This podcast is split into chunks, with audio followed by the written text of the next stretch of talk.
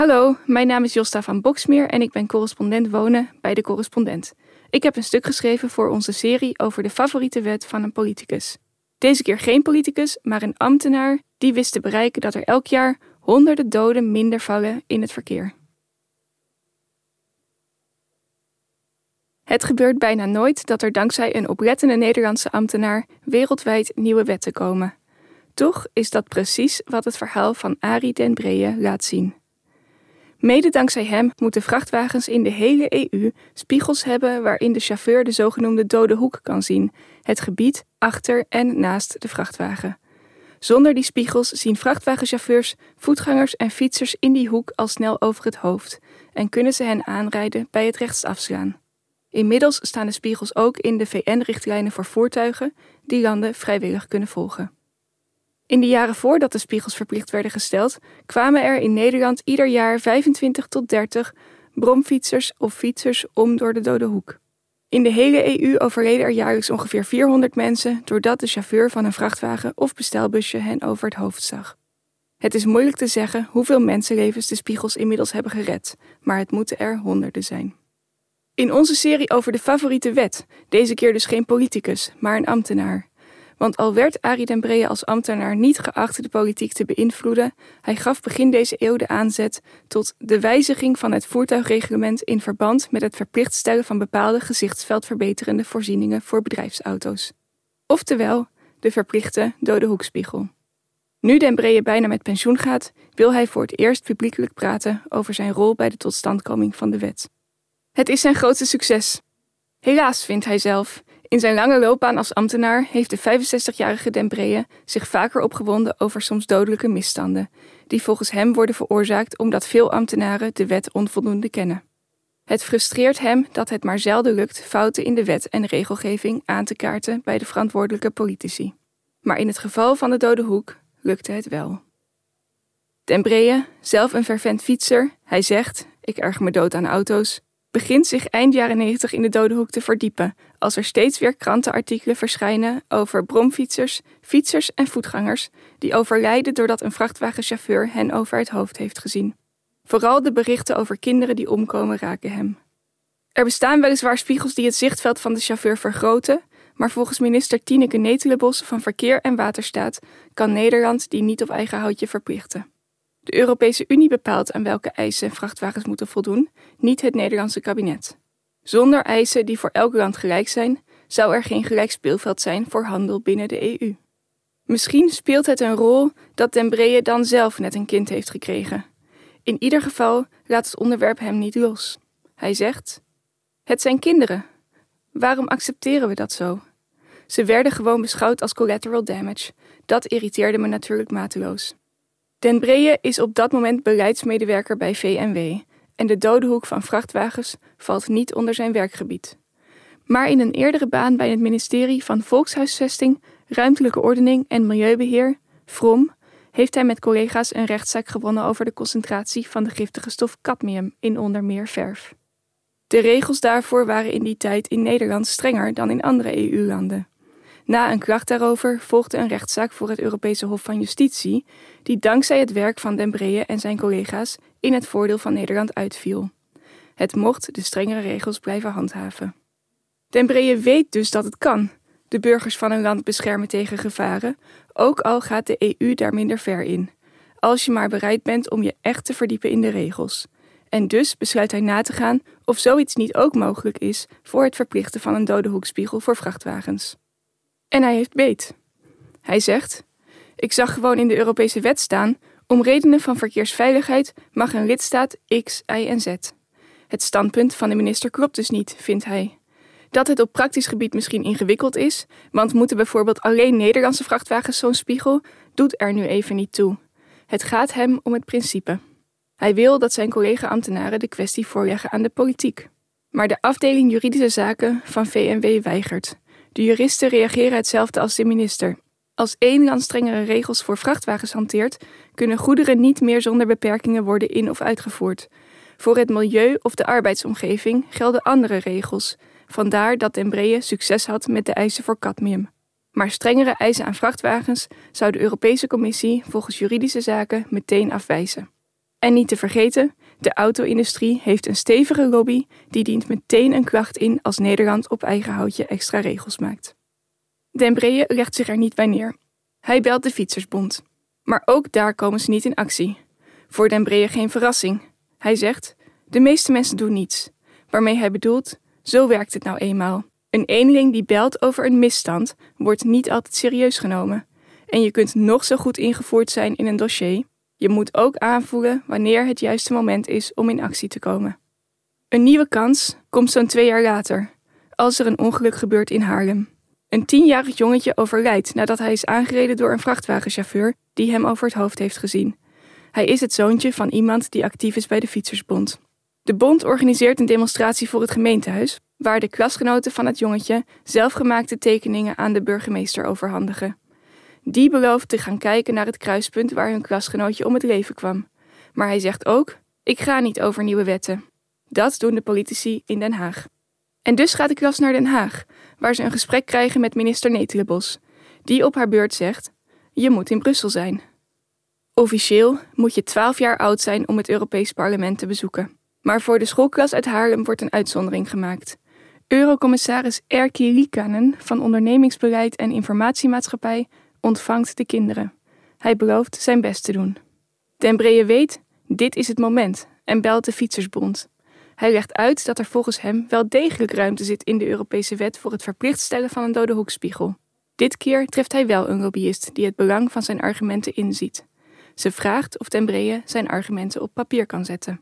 Hij stuurt haar een uitgebreide toelichting, met details over de mogelijkheden die de Europese richtlijnen bieden en de procedures die nodig zijn om in Nederland extra maatregelen tegen de dode hoek te treffen.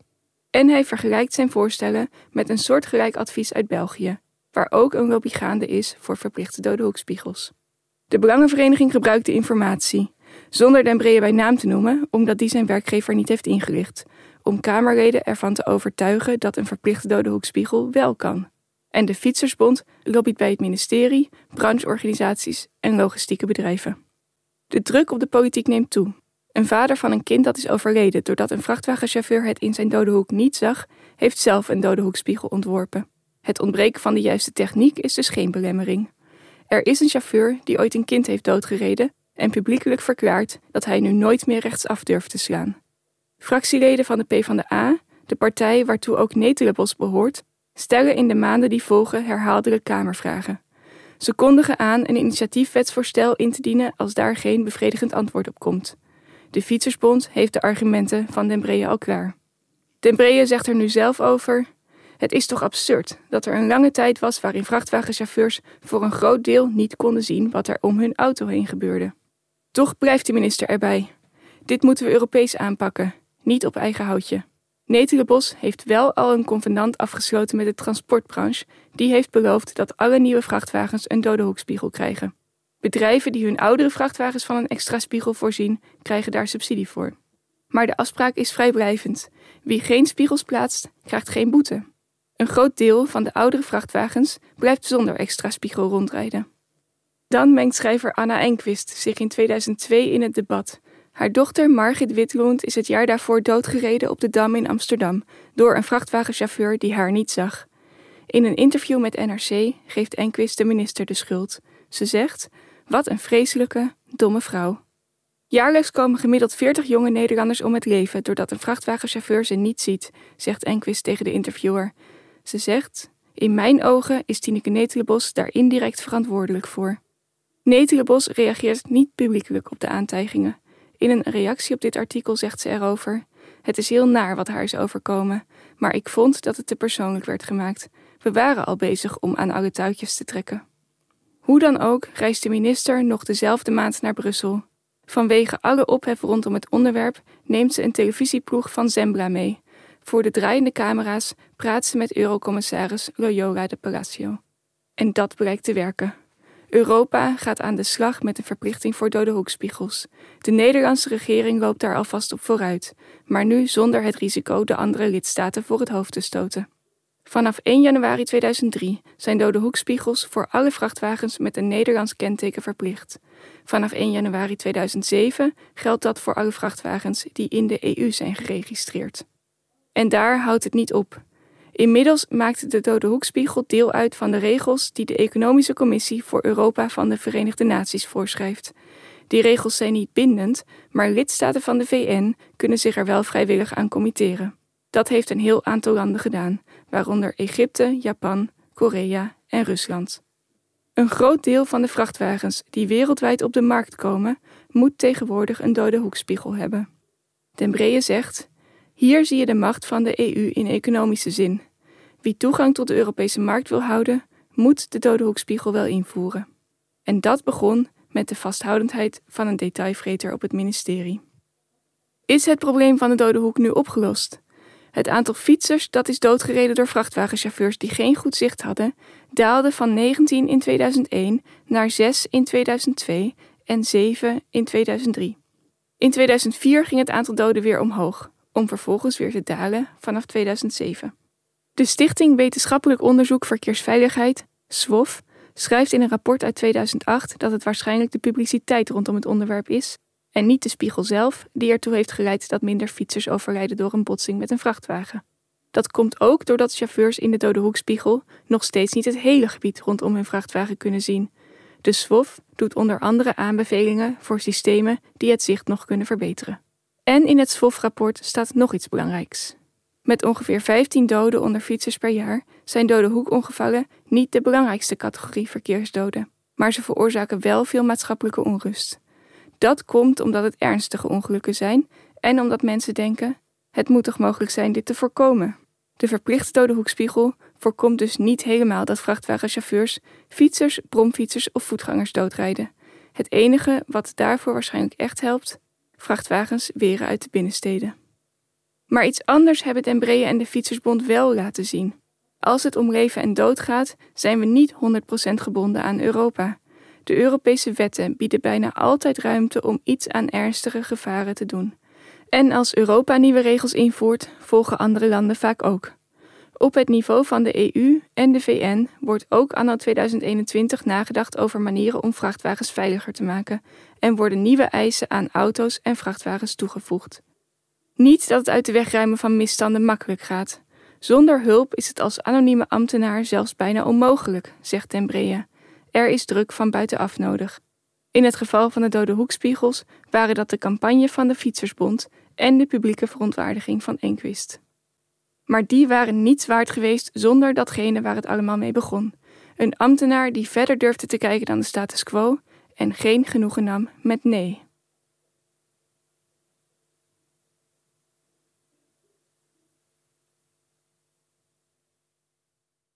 Maar mag ik u vragen waarom u vandaag zo boos bent, meneer Pronk? Want u maakt dit al twintig jaar mee. Ja, exact. Met u en met uw collega's. Dus ik weet niet meer wat ik en moet wat doen. is de reden waarom u nu Antwoord zo verschrikkelijk antwoord boos bent? geven of geen antwoord geven, het is nooit goed. En daarom weet ik het dus verder niet, dan ga ik nu vergaderen. Mijn naam is Anouk Nuyens en dit is Jan Pronk, politicus, oud-minister en sociaal-democraat in hart en nieren. Ik ontmoette hem zo'n negen jaar geleden omdat ik wat vragen had en Jan heel veel antwoorden. En sindsdien zijn we ja, vrienden. Hij werd vroeger wel eens het linkse geweten genoemd. En tot mijn schrik duikt hij nu soms ineens op als een stem in mijn geweten. Maar ik was toch jong, woke en feminist. Wat doet Pronk dan in mijn hoofd? Maar dit mag je niet uitzenden. Nee, dat, we praten nog steeds niet. niet? We praten toch nog steeds niet? Ja, we zijn nu al aan het praten. Oh, dan moet je even stoppen. Nee, wacht even. Ja. Nou, heb, nou heb je mij verleid, omdat we nog niet begonnen waren. Nee, je hebt me toch een beetje verleid. Wat kunnen we van hem leren? Waar heeft hij spijt van? En waarom is de sociaaldemocratie zo uit de mode geraakt? De politieke stroming die massa's mensen op de been kreeg en het gevoel gaf dat we samen alles aankonden en de wereld echt beter zou worden. Waar is dat verhaal gebleven? Luister binnenkort bij de correspondent naar Pronk. Een nieuwe podcastserie van mij, Anouk Nuyens. En van mij, Jacob Brantel, over linkse luchtkastelen en een geheugen dat nooit faalt.